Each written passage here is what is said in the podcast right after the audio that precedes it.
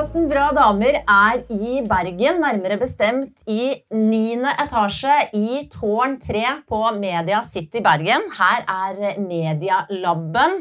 Kantar har akkurat eh, presentert de siste medietrendene. Og som om jeg ikke har sagt medier nok nå Dama som sitter ved min side, ble for ikke så veldig lenge siden kåret til årets kvinnelige medieleder kommunikasjons- og organisasjonsdirektør i TV 2, Sara Villand. God morgen. God morgen. Jeg er alltid litt usikker på om det er eh, organisasjon eller kommunikasjon først. Jeg òg. Ja.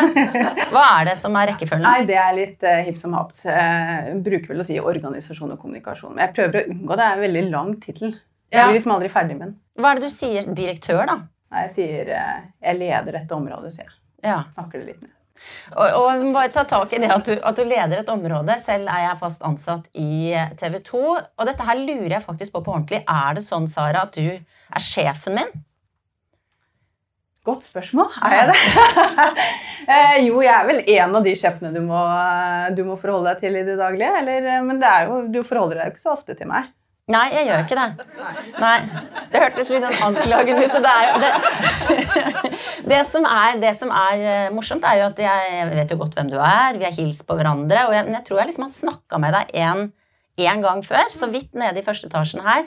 Så dette her blir jo eh, vår første, en slags sånn omvendt medarbeidersamtale. Ja. Så egentlig så skal vi snakke om deg. Du bare vet ikke ennå. Ja. Hvordan er du altså som sant, eh, den kommunikasjonsbiten av tittelen din? Eh, I det så ligger det jo at eh, sånn som dette, å sitte foran Her er det veldig masse mediefolk, da, men være i søkelyset når du er på jobb, det, det er en del av stillingsbeskrivelsen. Eh, hvor komfortabel er du med, med den situasjonen du er i nå, f.eks.? Høyst ukomfortabel. Ja. Nei, altså jeg har, ehm, jeg har vent meg litt mer til det. fordi eh, jeg, er ganske sånn rollebevisst. Vet at jeg sitter her fordi at jeg jobber i TV 2. eh, At jeg har en veldig spennende jobb. Eh, Men det har vært en overgang for meg også å ehm, ja, delta på sånne type ting. Bli portrettert i DN. Eh, Persondelen av meg, da. Så jeg er komfortabel med den kommunikasjonsdelen som går på jobb. Mm. Eh, Men jeg er ikke like komfortabel å sitte og snakke om meg selv. Det skal jeg være ærlig på. Hvorfor, hvorfor er det guffent, syns du? Eh, Nei, altså det, er altså, eh, Det handler kanskje litt om at jeg er en litt privat person. Eh, Og så syns jeg det er mye enklere og mye Jeg har mye mer å snakke om når jeg skal snakke jobb. Det er mer, mer komfortsonen for meg. Mm. Vi får se da, hvordan det blir eh, de neste 40 minuttene. Om, vi, om det blir mest eh, jobben din eller, eh, eller Slagsiden går dit, kan jeg si. Så vi får se hvor flink du er, da. Ja, men det, ja, det, får vi, det er bra. Nå må dere huske at hun er sjefen min. Det som er, er at, eh, at det har jo vært eh, mye situasjoner, mange situasjoner hvor du har måttet eh, face kameraene gjennom de årene du har vært i TV 2. Det er jo mye av det som blir trukket fram når det gjelder denne prisen du fikk også som årets kvinnelige medieleder. At det har vært omorganisering, det har vært flytting, det har vært en metoo-bølge. Og du har liksom stått foran kameraene og skulle fortelle da hvordan TV 2 håndterer dette. Um, hva gjorde sterkest inntrykk på deg liksom, altså før alt dette kom? eh, Da du bare begynte i TV, da du bare begynte i TV 2. Hvordan var de første dagene der? Eh, litt kaotisk. Um, men først og fremst husker jeg at det, det var så utrolig masse spennende eh, folk. Um, og, og TV 2 er ganske sånn komplekst. Det tar litt tid å bli kjent. Uh, så jeg vandra nå rundt. Jeg husker veldig veldig godt første dagen. da, uh, Hvor jeg fløy over med min sjef uh, igjen. Også din sjef, da, Olav eh, T. Sandnes. Og så eh, fløy jeg over hit til Bergen, og så kommer vi inn på Nøstet. Eh, For de som ikke har vært i Nøstet, så er det et gammelt bygg. Du skulle ikke tro at det går an å lage TV der. Eh, Og det er ganger og trapper og dører og kriker og kroker. Og så blir jeg med han opp i femte etasje, tror jeg, og så sier han ja, men da snakkes vi, da. Og så står jeg der. Og så skal jeg begynne å orientere meg rundt i dette lokalet her. Og jeg tuller ikke at jeg ringte fem ganger til en på HR og spurte om hun kunne finne meg, for jeg fant ikke fram eh, i det bygget. Men da satt altså HR-avdelingen langt inne i en gang. Du gikk ikke dit hvis ikke du måtte. Eh, og, og jeg følte alltid, husker jeg, at når jeg skulle liksom oppsøke de enkelte avdelingene og, og miljøene der, så, så følte jeg meg litt sånn påtrenger. Fordi at du kommer inn i et rom hvor det var veldig tydelig at jeg var liksom outsideren. Da. Så, så, det var en litt sånn rar, eh, rar opplevelse. Litt sånn hvor starter jeg? Men jeg følte meg veldig Folk er, var flinke og nysgjerrige, og eh, jeg fant ut fort at eh, man hadde gjort researchen sin. Så de visste jo nesten mer om meg enn jeg visste om meg selv når jeg møtte de i kaffekøen og, og i det hele tatt. Men eh, det er en veldig sånn spennende start. Litt overveldende. Ja, og hvordan syns du det er nå, da? Litt overveldende. Nei, jeg, jeg elsker det. Det er litt sånn Jeg tror um, du, Vi snakker om at vi er liksom ikke noe pølsefabrikk eller noe gule sier, skal ikke snakke ned andre virksomheter, men, men det, er en sånn, det, er sånn, det er sånn spennende miljø. Og det er så mye som skjer, og det er så puls, og det er så flinke folk. Uh, så det er bare et utrolig sånn stimulerende miljø å være del av, altså. Og mange tenker jo at eh, TV-bransjen er eh, ekstra spennende eller til og med glamorøs, kan noen driste seg til å tenke. Og denne bransjen var jo også ny for deg eh, da du kom inn. Hvordan syns du det var? Altså jeg hadde jo heldigvis hatt en litt sånn, var, Vi hadde en presentasjon fra Kantar her hvor de gikk gjennom ukepressemagasin. Jeg jobbet jo der før jeg kom til TV. Det var en veldig fin sånn onboarding til å komme inn i TV-miljøet. Så jeg er veldig glad for at jeg hadde jobbet med redaksjonelle miljøer og, og i en medievirksomhet tidligere. Jeg kommer jo opprinnelig fra en ingeniørvirksomhet. Og der handler alt om logikk. At det skal, skal være logisk og god eh, på en måte eh, Den ene boksen kommer naturlig etter den andre, og i det hele tatt. Så det er veldig mye logikk og rasjonale. Og så kom jeg inn i mediebransjen, og der opplevde jeg at det var veldig mye eh, følelser og relasjoner og sterke, sterke reaksjoner. Og, og det, er, det, er, helt annen, et helt annet miljø å være en del av, da. Eh, og det, jeg er litt sånn logisk rasjonelt oppbygd selv. Eh, sånn at eh, det, det var en overgang. Mm. At det, det, er ikke alltid det logiske vinner. Det er, det er liksom mest brennende engasjement og argumentasjon og ja. Men syns du altså, de er noen sånn kreative rotehuer av og til? Ja. Mm. det syns jeg. Men, eh, men det, er jo, det, er jo, spennende. TV 2 er jo langt mer også enn eh, bare dere. Selv om eh, journalistene liker å tro at, at, det bare er de det handler om. men TV 2 har et fantastisk miljø også på teknisk side. Vi har veldig mange ulike typer fagmiljøer hvor alle er de beste innenfor sitt fagfelt. Da. Og det syns jeg er spennende, for det er det noe med dynamikken. Vi har mange ingeniører hos oss også. Og når de møter de redaksjonelle, så, så, så kan det være noen eh, oversettelsesutfordringer eh, mm. i kommunikasjon, blant annet. Du, jeg nevnte så vidt uh, metoo, som har vært en uh, viktig del av dine arbeidsutfordringer i disse årene, i hvert fall sett utenfra, uh, disse årene du har vært i TV 2. En novemberkveld 2017 var det vel, begynte min eh, kollega Alexander Schou å tvitre eh, og outa ikke navn, men situasjoner som han hadde sett, eh, og dytta dem fram i lyset. Hva tenkte du da du ble oppmerksom på de tweetsene som kom? Jeg satt hjemme i sofaen sammen med mannen min og så på TV, som man bør gjøre, folkens. Eh, og så begynner det å tikke inn eh, meldinger på min telefon fra TV Tore som spør om jeg har sett eh, Twitter, og det hadde jeg ikke da. Og så går jeg inn, og så ser jeg tweetsene som begynner å komme fra Alexander Schou. Um, og da er sånn, min første reaksjon er at her må jeg få opp fakta. Fordi jeg visste jo at han hadde jobbet hos oss. Uh, og jeg hadde jo ikke så lang fartstid på den tiden der, så jeg kjente ikke til historikken. Så satt et, eh, vi satte ned et lite team, sånn at vi kunne nøste litt grann hvor mye av dette her er eh, ting vi vet om fra TV, TV 2. Eh, det var jo stort sett historier eller det var historier tilbake i tid, dette her. Eh, så det var det første vi gjorde. Så jeg er veldig sånn Når det skjer noen ting, så, så må jeg bryte det ned. Og så må jeg, må jeg få det ned i eh, Hva gjør vi nå? av det steg, Sånn at det går an å håndtere. Så det gjorde vi. Satte ned det teamet. Og så begynte jo mediene å ringe med en gang. Ehm, og da var jeg veldig tydelig allerede på at ja, vi kjenner oss igjen i noen av disse historiene. Prøvde ikke å snakke det bort. Så det var Vi hadde en diskusjon også hva gjør vi nå på kommunikasjonssiden? Og da var vi veldig tydelige på at vi må være åpne med det vi vet. Så da sa vi at vi kjenner i hvert fall igjen fem av disse episodene som Alexander tvitrer om. Um, og så skal vi jobbe nå for å få full oversikt. Og da inviterte jeg Alexander til en prat. Så jeg sendte han en, uh, en melding og spurte om han kunne være interessert i å møte meg, så jeg fikk litt mer innsikt. Eh, og det sa han ja til. Eh, så det var det som skjedde umiddelbart. De neste 14 dagene var sånn kaos, fordi at det ringte hele tiden eksternt fra.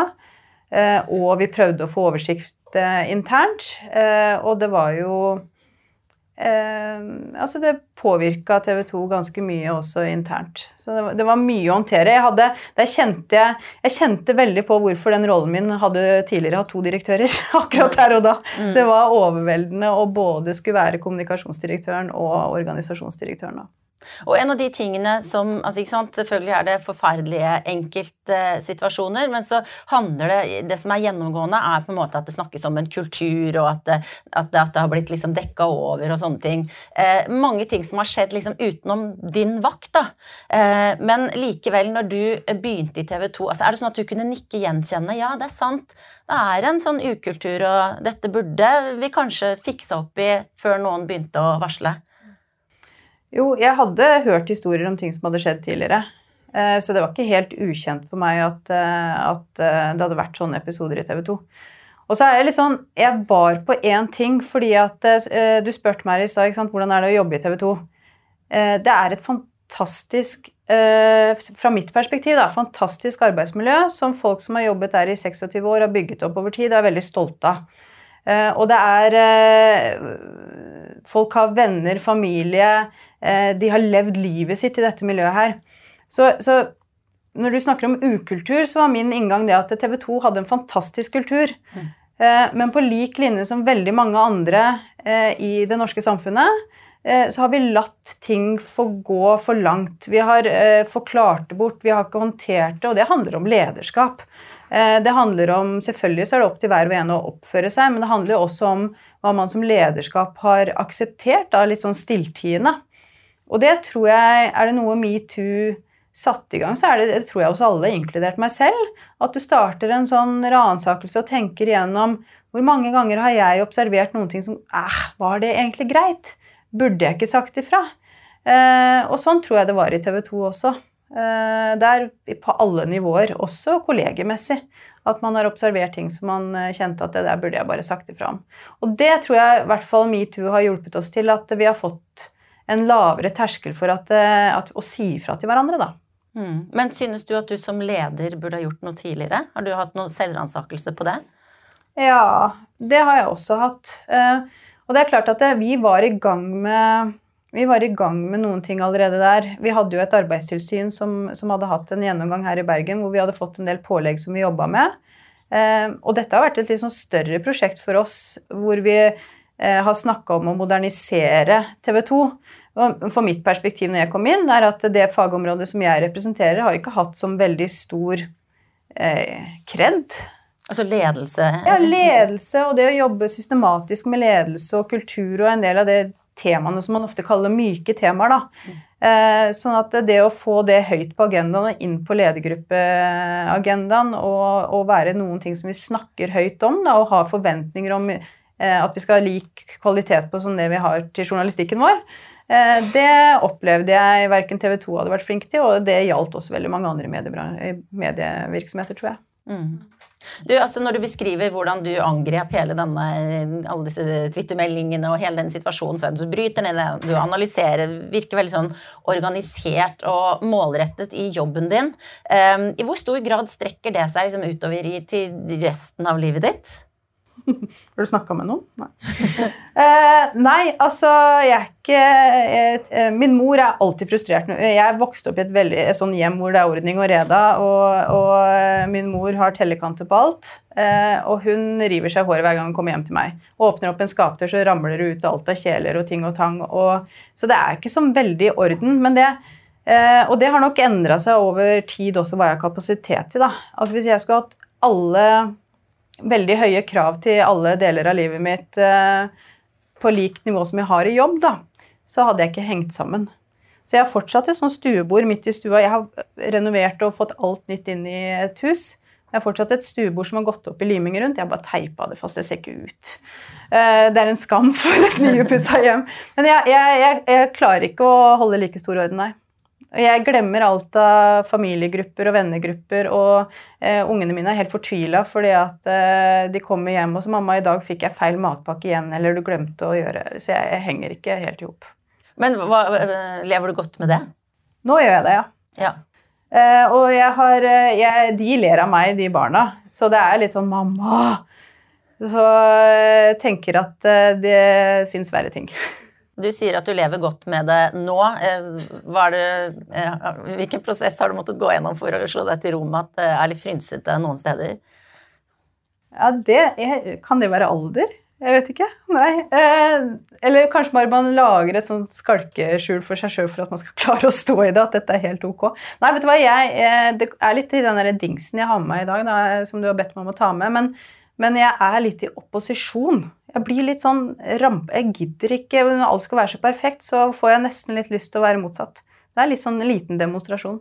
Men det er jo fantastisk, fordi altså, eh, en annen bra dame, Trine Eilertsen, nå eh, sjefredaktør i Aftenposten, hun eh, sa i denne podkasten at eh, vi kvinner spesielt da, har jo en tendens til å sammenligne oss med, med, hverandre, men så sammenligner vi oss med de vi digger i jobben, og så vil vi gjerne være sprek som en toppidrettsutøver, og så vil vi gjerne se ut som en kjent skuespillerinne eller modell. Altså, vi sammenligner oss med enere på alle felt, da, og det er jo eh, veldig få som er ener på alle felt. Altså, de færreste er jo ener på én ting. Altså, det er jo en fin sånn Det høres jo enkelt ut, men det er en fin leveregel da, å kunne være litt i opposisjon. Men jeg ønsker også alle de tingene. Ja, du gjør det? ja, sånn, sånn, helt ærlig så hadde det vært helt fantastisk, det. Men mm. jeg har jo erkjent at det går jo ikke. Uh, men da Jeg tror for å overleve det, så må du ha en litt sånn ironisk distanse til deg selv. Da. Jeg finner utrolig mye humor i noen ganger å bare trekke meg ut av situasjonen og så se inn på meg sjøl, så tenker jeg bare Herregud, hva driver du med nå? Det, og da ler jeg litt. Så det, det, det, høres helt rart ut, men det, det er, er en overlevelsesmekanisme, kanskje. Hvilken situasjon var det siste du gjorde det? Du, eh, det var eh, Kan jeg dele? Ja.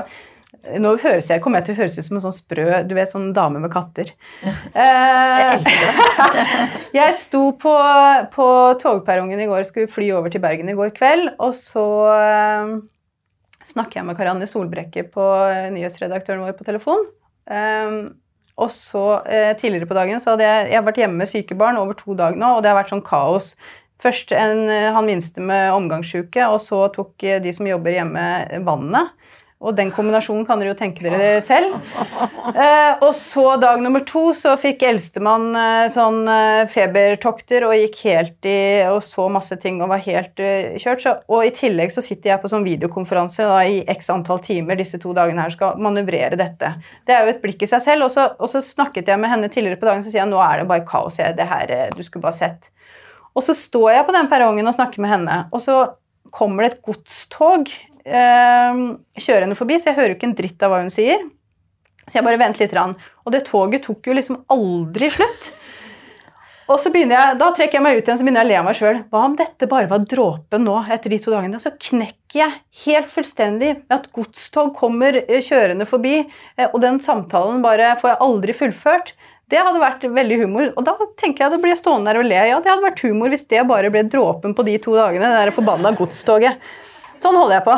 Men da, da, gikk du, det er veldig eh, nydelig, da. Da går du over i latter og selvironi. Altså andre, eh, kanskje meg selv inkludert, ville muligens etter de dagene der og den beskrivelsen gått inn i et slags sånn dypt ned i selvtillitsdalen-modus, eller bare 'Dette går ikke, dette går ikke, dette går ikke', og kanskje begynt å grine.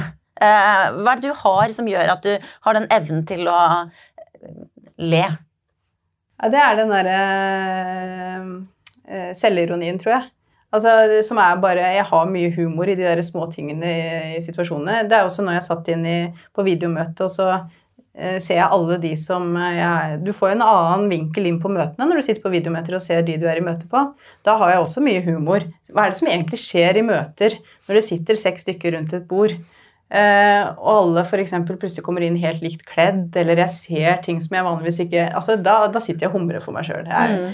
Jeg, jeg, tror du må bare Det høres veldig rart ut, jeg er ikke så rar, men, men, eh, men, jeg tror det å finne humoren i de der små øyeblikkene gjør at du får litt sånn overlevelse. Mm. Samme jeg gjør når jeg kom løpende til, eh, til skolen for seint til en, en, avslutning på skolen. Da kom jeg fra Bergen med trillekoffert. Da har jeg mista toget, så jeg er forsinka, så jeg må ta taxi. Og da kommer jeg med taxi inn på en skoleavslutning, og da sitter folk ute. Det er bare det er vondt.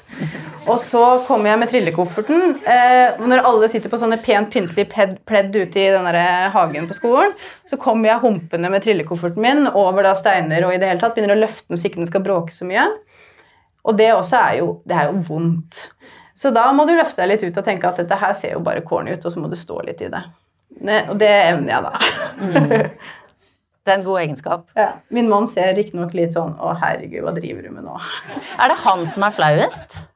Nei, jeg tror han, han valgte meg jo for mange år siden, så han har lært å leve med det. Så jeg ja. tror vi, sånn er det. Vi lever med hverandres eh, både gode og dårlige sider. Men du, du sa du hadde en dings som viste din eh, opposisjon til eh, diverse ting. Jeg spør jo da alle gjestene mine om de kan ta med seg noe som sier noe om hvem de er. Eh, jeg er spent på hva du har tatt med. Ja, det, det, kjentes veldig veldig smart ut. Altså, Jeg finnes jo ikke kreativ, så det naturlige ville vært at jeg tok med en skredsøker for å fortelle om hvor eh, fantastisk jeg syns det er å være i fjellet, eller ta med den sjokoladebaren jeg alltid henter fra flyet tur til Bergen. Mm. Og så tenk, tenkte jeg nå skal jeg være kjempekreativ, så jeg tok med et A4-ark. Okay. Det, det virka veldig logisk ja. der og da. Men men fordi at det, det, er jo litt det jeg snakker om. ikke sant? Jeg, er, eh, jeg, har jo litt problemer med disse eh, samtalene som vi har nå. fordi at jeg tenker, Hva gjør en A4-dame i en sånn samtale? Hva skal jeg snakke om? Mm. Jeg er liksom et helt vanlig menneske. Jeg har ikke noen spesielle historier. Eh, som jeg skulle, når jeg ble portrettert i DN, ikke sant, var han Joakim Rønningen før, før meg, han Hollywood-regissøren, som har et bilde av seg selv ute på en veranda som, hvor han står og røyker med Johnny Depp. Men sikkert, hva skal jeg by på? Jeg står med Jonny på kunstgressbanen i, i, Asker og ser på fotballkamp. Så jeg, jeg er jo denne A4-dama. Veldig tydelig som bor i Asker, i et hus med eplehage. Eh, gift, har to barn, kjører e-golf. Eh, jeg tror folk tenker at hun der har ting på stell, liksom. Mm. Eh, og så er jeg på den annen side så, så har jeg det som er i opposisjon mot det A4. Jeg sitter i juleferien og får helt panikk når jeg ser at kalenderen min er fullboka ut mai, liksom. Eh, med jobb og med treninger og med alt det, det som er der. Eh, og da får jeg det der behovet for å bare bryte ut av det A4-livet. Da får jeg behov for å komme med de der platte meldingene i en situasjon hvor det ikke passer seg, eller være litt spiss i kommentaren, eller eh, gjøre et eller annet eh, der, da. Og det, det, det, kjenner jeg på. Jeg kjenner på den eh, Kanskje er det en 40- eller 50-årskrise jeg sitter og beskriver nå, men, men jeg, jeg, kjenner på det derre behovet for å føle mer og bryte ut og gjøre de tingene som ikke passer inn i det A4-livet, da. Hva skulle det vært? Nei, eh, Da er det jo bl.a. det da som vi sitter og snakker om, å ikke måtte leve opp til disse forbaskede cupcakesene med blå glasur og hundrevis av sånne greier. Jeg kommer med pasta og kjøttboller på sånn skolemiddag, liksom. Og så tenker jeg at ja, ja, men det er de som går først, så dere kan jo bare komme ned med de cupcakesene deres. Men, men, men det er jo, jeg har en opposisjon mot disse laminerte eh, bursdagsinvitasjonene som kommer. Altså, Når har de tid til å drive med de greiene der? Eh, og at du skal ha bursdager hvor det er eh, Alt er planlagt ned i minste detalj, mens jeg så vidt liksom klarer å rekke inn i siste liten. Eller min sønn nå på åtte år som kom og sa mamma, kan vi være så snill å få til den vennegruppa nå, for jeg har glemt det tre ganger. ikke sant? Det er denne uka her, er det ikke det? Det er det. Eh, så jeg booka den i helga. Nå er han veldig fornøyd med meg. Nå har jeg høy stjerne. Men, men det å Så, så det, det, er den ene delen av det. Men, men uh, også passe på at jeg at jeg ikke bare blir en del av det derre løper løpe fra møte til møte og det hamsterhjulet, men og sitter og tenker at hvor var de der store følelsene, og det å bare ta seg den turen eller eh, booke av det møtet og gå seg en tur på Ulriken eller hva det skal være. Så, så jeg, jeg, tror jeg har, jeg har, behov for å kjenne det, da. At ikke den kalenderen bare spiser meg helt opp. Hva er det du kjenner da når du går på Ulriken stopp, eller når du har skredsøkeren i lomma og går i hvite fjell? Det er lykke. Da begynner jeg å tenke på det livet etter TV 2.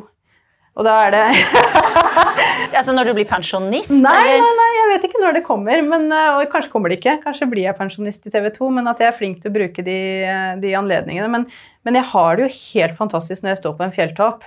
Eh, jeg har det helt fantastisk når jeg går opp den fjelltoppen og jeg er dritsliten og kommer opp og har så syre i låret at jeg ikke vet hvordan jeg skal komme meg ned. Eh, men så får du kjøre Jeg var i Lofoten eh, for to år siden, og vi går eh, toppturer, altså fra havnivå og opp, og du står på de toppene og ser utover det fantastiske landskapet, og så vet du at du har en hel fjellside for deg sjøl når du skal kjøre ned.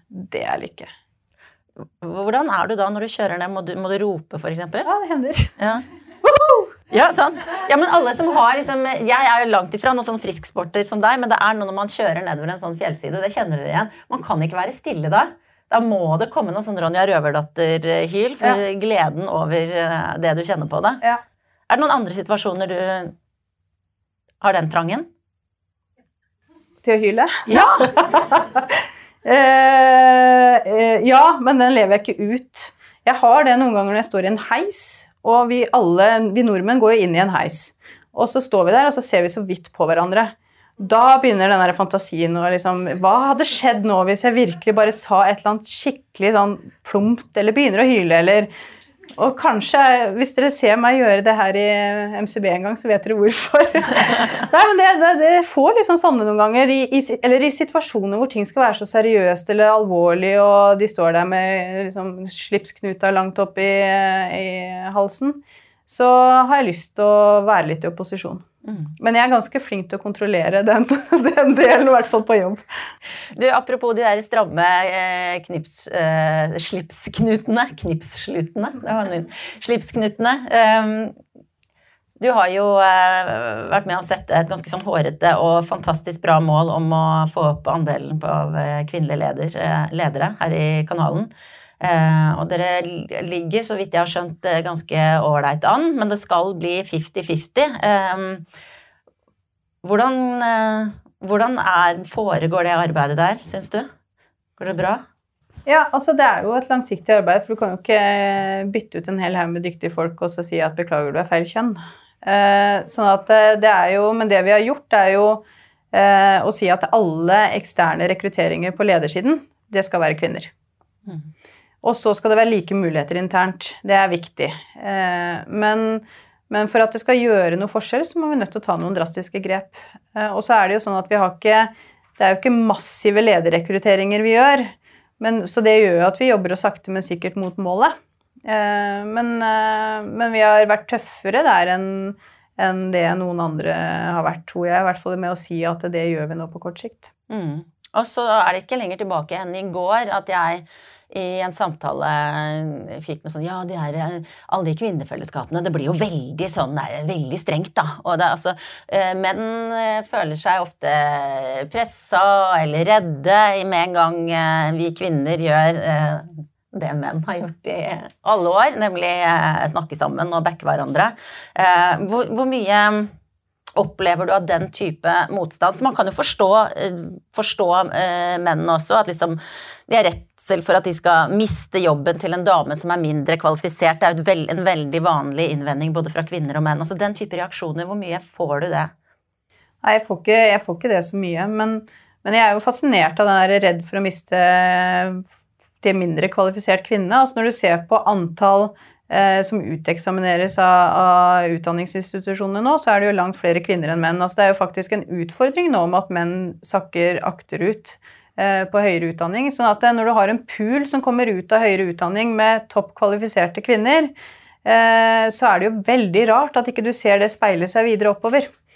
Eh, Så jeg kjøper ikke argumentet med at du ikke finner kvalifiserte kvinner. Kanskje i enkelt, eh, enkelte roller, enkelte fagområder, så er det tøffere. Altså det er færre. Eh, Det krever noe annet av rekrutteringsselskapene og av selskapene til å finne fram til det. Men vi har en, en eh, rekruttering på en lederstilling ute nå. Da har jeg sagt at jeg vil ikke ha en eneste mann på den lista. Jeg vil ha bare kvinne nå, fordi at vi skal ansette en kvinne. Og så, eh, og så får vi starte der. Da blir ikke den unnskyldningen at det, det er noen ikke-kvalifiserte kvinner på det. Og så kan jeg, jeg Altså ehm, Det er jo en vanskelig ting eh, i form av det at det, optimalt sett så skal man jo ønske at det, det er like vilkår for, for begge kjønn. Men gitt at det synes at vi ikke har vært gode nok til å synliggjøre den kvinnelige talentpoolen fram til nå, så må vi gjøre noen drastiske grep for å få det mangfoldet på kjønn eh, i balanse. Og så håper jeg at vi går tilbake til en eh, situasjon hvor, eh, hvor ikke vi behøver det, da. Eh, men jeg, eh, jeg har troen på altså Vi har sagt så lenge at vi må jo øke bevisstheten rundt dette her og brukt disse Finn-ordene rundt det. Men eh, resultatet har uteblitt, og da må man ta noen grep. Det er jeg så glad for at du gjør. Og du er jo i så måte også en rollemodell, sånn at folk ser at det er eh, sterke kvinnelige ledere. Og jeg vet at du også er med i et sånt mentorprogram hvor du da eh, coacher eller er mentor for um, en yngre kvinne i mediebransjen. Hvordan, hva sier du til de du er mentor for? Der har vi jo fått beskjed om å si minst mulig.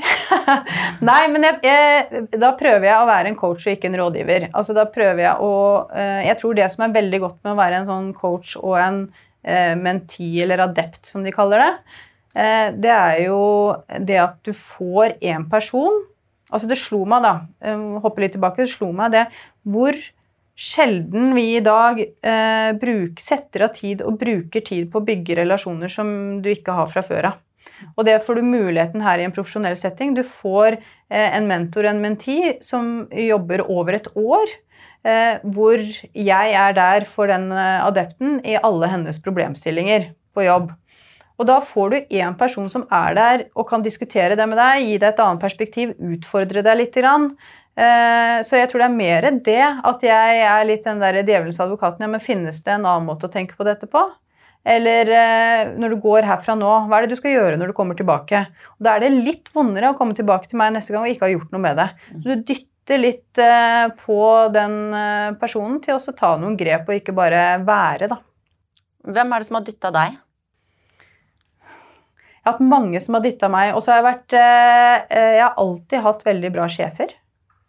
Alltid jobba veldig tett med sjefene mine, hatt en veldig sånn åpen dialog. Og der har jeg fått mye mye push. Men jeg har alltid også rekruttert folk rundt meg som ikke er sånn ja-mennesker, så jeg får ganske mye push fra de som eh, er rundt meg også, og som ikke alltid er enig med meg. Eh, jeg har en mann som har en helt annen bakgrunn, eh, som dytter på meg, og jeg er veldig jeg søker Jeg er ikke en person som eh, får en problemstilling, bestemmer meg og så gjør det. Jeg søker veldig mye råd rundt meg. Fordi at jeg, jeg liker ikke å bare sitte der uh, alene.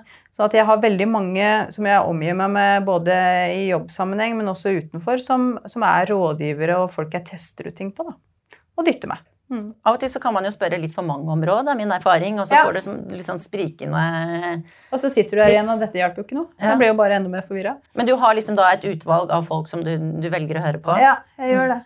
Og det for meg er det Noen ganger så har jeg bestemt meg, men jeg bare ønsker å teste det ut litt grann, uh, før, uh, ja, før jeg igangsetter det. Og du har jo da sant, lang ledererfaring, og eh, som jeg har skjønt det, så, så var du litt sånn som meg. altså Sånn tillitselev på ungdomsskolen og sikkert videregående og sånn. Mens jeg da gikk på en smell på et eller annet tidspunkt. Jeg tror mitt siste verv var russepresident. At jeg stilte til valg nærmest liksom bare at jeg var vant til det og så ville vinne. Og så etter det så var det orka jeg ikke mer. Eller liksom utbrent på lederfronten i en alder av 18 år. Det er egentlig en trist historie. Men ikke sant, vi er jo også forskjellige. Eh, man har forskjellige talenter og ting man liker å holde på med. Men hva er det som gjorde at du eh, holdt lenger enn til russetida, da?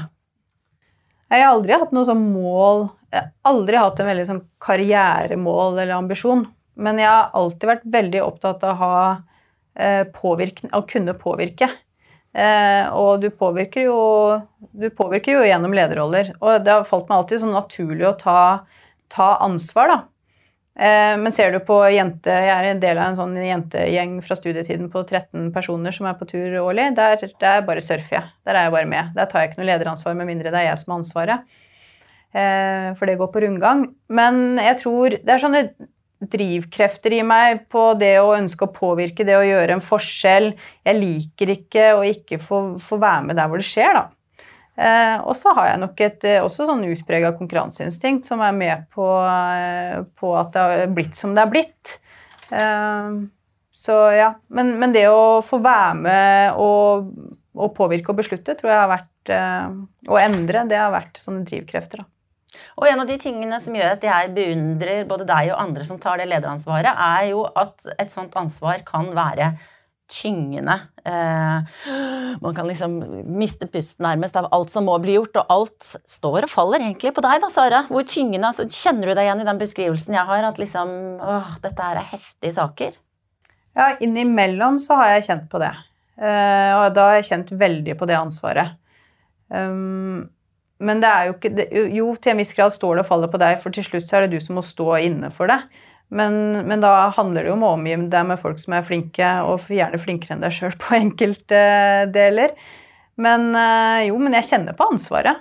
Uh, på godt og vondt. da? Det å, å være med og påvirke og beslutte og stå ansvarlig, det gjør du jo ikke bare i gode tider, det gjør du også når ting er eh, røft.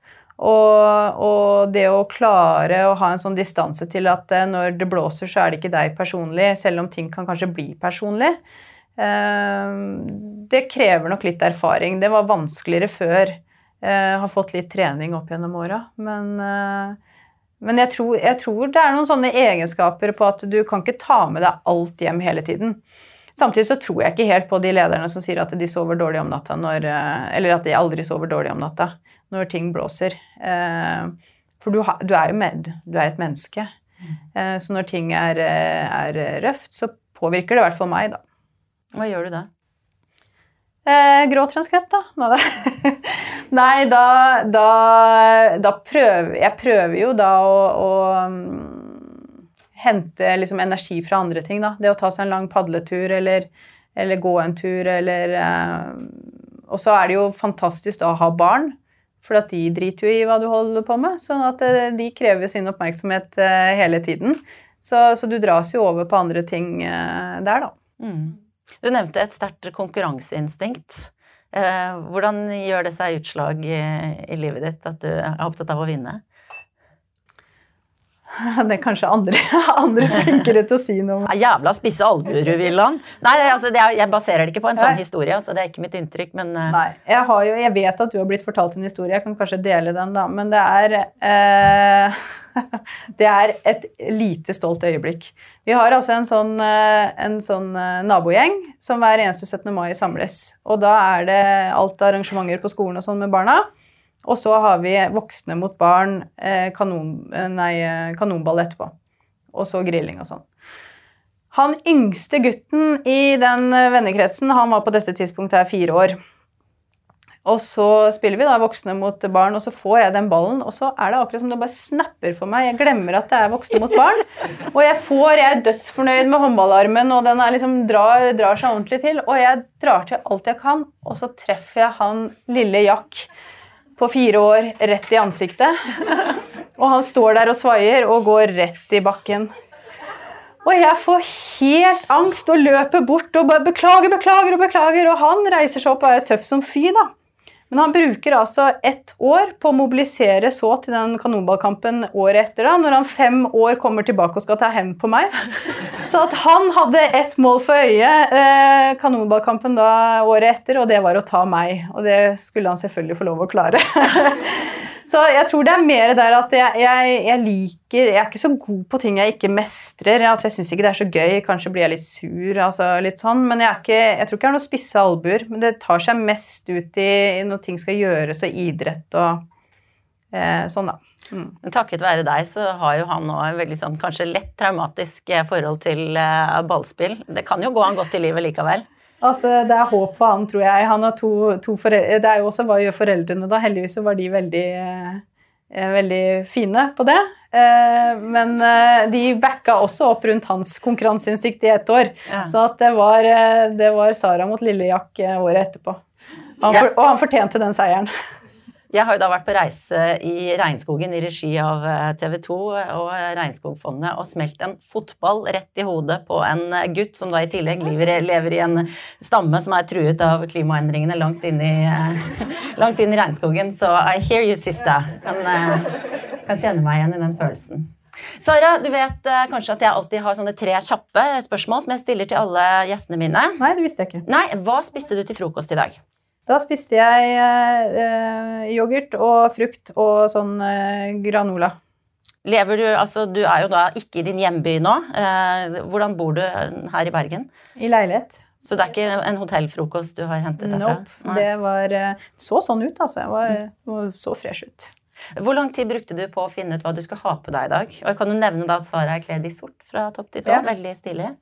Det brukte jeg ingenting tid på, for det var det jeg hadde med meg fra Asker.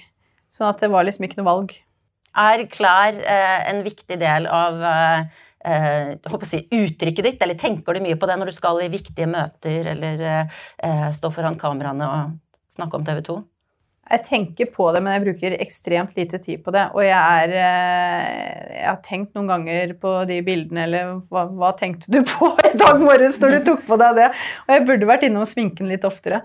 Så jeg er ikke så veldig forfengelig, men det er klart jeg tenker på det. De andre i ledergruppa mener at jeg har en sånn fotojakke eh, som jeg alltid har på meg hvis jeg skal på et eller annet. Så dere får se om jeg, om jeg går med den samme jakka hver eneste gang. Hvordan ser den ut? Ja, Den er rød. Se, vi får se etter den røde fotojakka.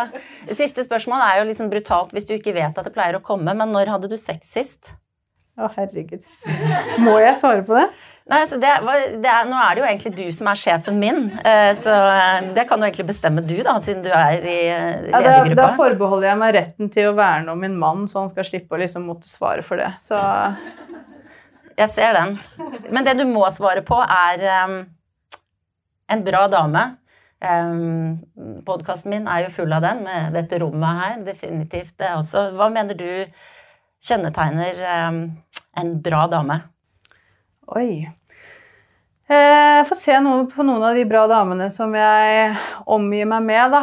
Men, eh, men det er eh, Jeg liker jo de damene som, som, tør å stå for noen ting. Og både ikke bare på et rom med fire vegger og det sitter to stykker, men også ut i, i offentligheten og, og, ja, og er trygg i det. Eh, jeg liker eh, humoren og snerten i kommentarene og det å tørre å utfordre litt. Eh, og så er det den Ja, jeg høres litt sånn banalt ut, men, men den, den Hva skal jeg si Viktigheten rundt det å, å være rettferdig, da. Altså det å, å, ha en sånn inngang til at man ikke ønsker å gjøre forskjell, eller, eller sånn, men at man er opptatt av den rettferdigheten. Mm. Det var en fin, fin, beskrivelse. Tusen takk skal du ha for denne medarbeidersamtalen, eh, Sara. Takk for at du var med i podkasten min. Og podkasten min gjør jeg også live på Rockefeller 18.3, og man kan kjøpe billetter på Ticketmaster. Men siden du har vært gjest, Sara, så kan du godt stå på gjestelista. Det kan vi snakke om etterpå. Tusen takk for meg. Takk skal du ha.